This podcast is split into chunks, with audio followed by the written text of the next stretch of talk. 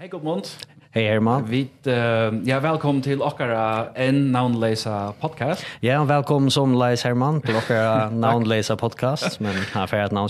Vi sitter i Norrland löta upp i Österhus nu här vi har akkurat hukt efter en film. Vi har uh, screen en film för uh, Barockenbauen. Ja, och det var okkara stora ära att få screening eller få screenar direkt från Lexioran som är i förgrund i det. Ja. Och vidare som vi helt är att uh, nu att när vi har sett filmen och han är som fresh i i Holland så här vi då finns ju mannen Sholan eh i studion Chaco. Ja. Maren är Daniel Bandeira. Han är brasiliane och han hever Justin debut spelfilm som hever varit och han har premiär i Berlin i år og hever veri av flere stormfestivalen, sjangrefestivalen rundt omkring som Fantastic Fest og, og Sitges og er spennende festivaler. Og nu er det altså manadagen at man kan sitte her i perioden, i Tørsand. Her er vi i Havnarbio. Og i Havnarbio. ja. Filmer Night the Property. Hello, Daniel. Welcome to our uh, our uh, what do we call this? A show? Our de- yeah, our debut podcast. our show. debut Let's podcast. That. Yes. uh, thank you for the invitation. Of course, uh, it's an yeah, honor. You're welcome. Yeah, and and you're our first guest on our first show starting yeah. today. Yeah. It's a debut. It is a debut. Yeah. Uh, yeah. Could you maybe tell us about your career so far in okay. film? So, uh, well, my name is Daniel Bandeira. I uh, I started working in uh, in audiovisuals. In, in, I started making videos since uh, 2001, and uh, since then I've been working mainly as a film editor for another filmmakers in uh, Recife. That's where I came from in Brazil. And uh, my first feature film is called uh, Amigos de Risco or Peer Pressure. And then finally there was Property. Property well, also released in 2022. Mm -hmm. And here I am. Here I am. Can you tell us a little bit about Property? What what what is this uh, what is the story about? Yeah, uh Property. It uh it started as a, as an exercise in genre how we could uh, make a, a, a, film, a compelling film in in the very in, in the tightest tightest uh, environment possible. Mm -hmm. You know, the story originally uh, was told only in and from the point of view of this lady who is uh, trapped inside her own car. But uh, as time went on, uh, I start to feel the, the need to know a little bit more of the people around the car. You know, in Brazil, there has been a, a polarization, um, a, a, yep. a division between classes that went very, very hard in the last decade. So I think it could be uh, it could be it could be good to to have this uh, to have a commentary on this division by knowing and understanding the motivation uh, of the lady inside the car, but also understanding the, the, the, the motivations of the people outside the car. So it, the, yeah, so I also noticed that the, uh, the social commentary or the political commentary, these are big questions uh, that you're pointing to. Yeah, uh, in Brazil, uh, we we pass through hard times that comes from division politically, socially, you know. Uh, but it also has its roots in in our ancient history. You know, we have a a, a past of uh, slavery, and it evolved you know in the way it, it, it affected the way we are organized as a society right now. One of the things i, I noticed in the film is that uh, even though uh, she is trapped in the car and you say she's upper middle class the people outside the car are workers and they of course are very it's it's a it's a brutal film. It's very brutal but everybody is very human i think. I mean there's there's there's no bad guy and everybody's a bad guy. I mean, it's it's not very clear cut.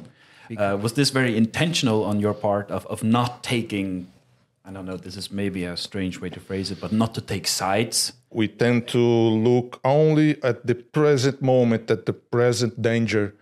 And uh, we, in order to overcome these challenges, these, uh, these dangers, we need to go back and to look uh, they to look a bit further uh, to our own history, you know, uh, if you see a if you see a person who is uh, very brutal, you must to understand its its reason, its background, even to to understand your own brutality, you know.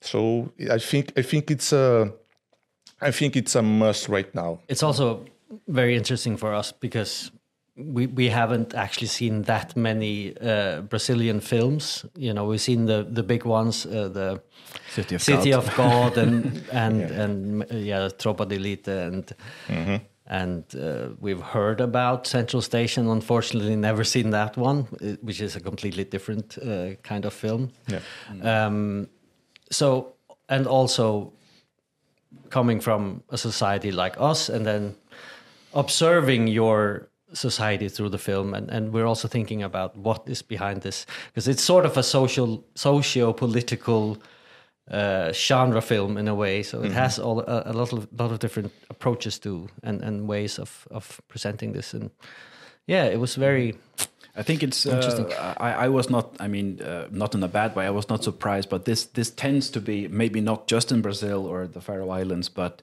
this this thing that you mentioned about division mm -hmm. between people uh, if it's between those who are on the left, those who are on the right, those who are rich, those who are not. There's a seems to be a big focus on that yeah. these days. Definitely. Yeah, you see, uh, property was made.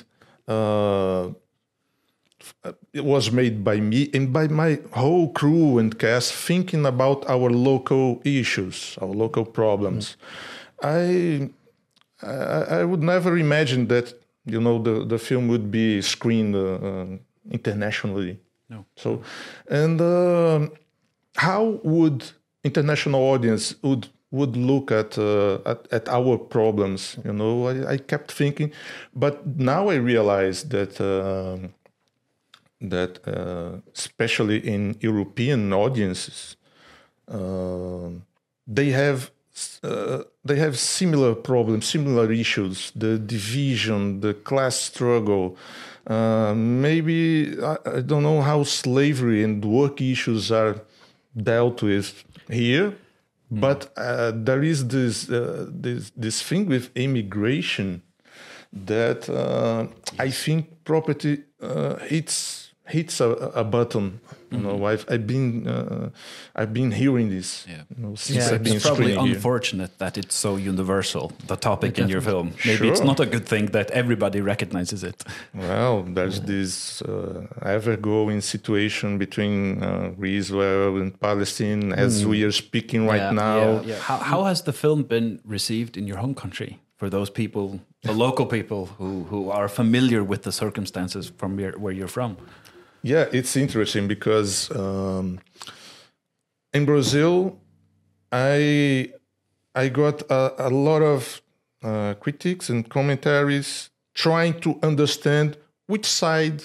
I'm on, yeah, which exactly. side I'm favoring. Yeah, exactly. That's you know? what, the same thing we're thinking. Yeah, uh, yeah. Because I was really like rooting for her in the beginning, like you, you really get her emotional state and then sure. you suddenly flip it and yeah, then, you okay, think these people are you crazy. have to rewire yourself yeah. Uh, yeah. watching it and, yeah. but the critiques i receive uh, are all about what are my political views should i be critiquing the farm workers mm -hmm. who uh, who have a past of you know, of exploration, uh, ex exploitation, mm. sorry. Mm.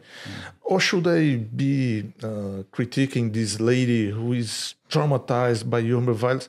So, mm. Uh, or the husband or the foreman, and yeah. Yeah. yeah. So it's yeah. all those perspectives. And, mm. Yeah, but, yeah. but that's the thing with not only with genre cinema, but uh, in, in, the, in the horror storytelling. They are kind of... Uh, uh, they tend to be cautionary tales. If you do don't, if you do something yes. like this, if you yes. don't pay attention to this, if you don't obey your mother, if you don't, then something very bad will happen. Daniel, thank you very much for being our very first guest ever. My pleasure. It's an honor. thank uh, you very much.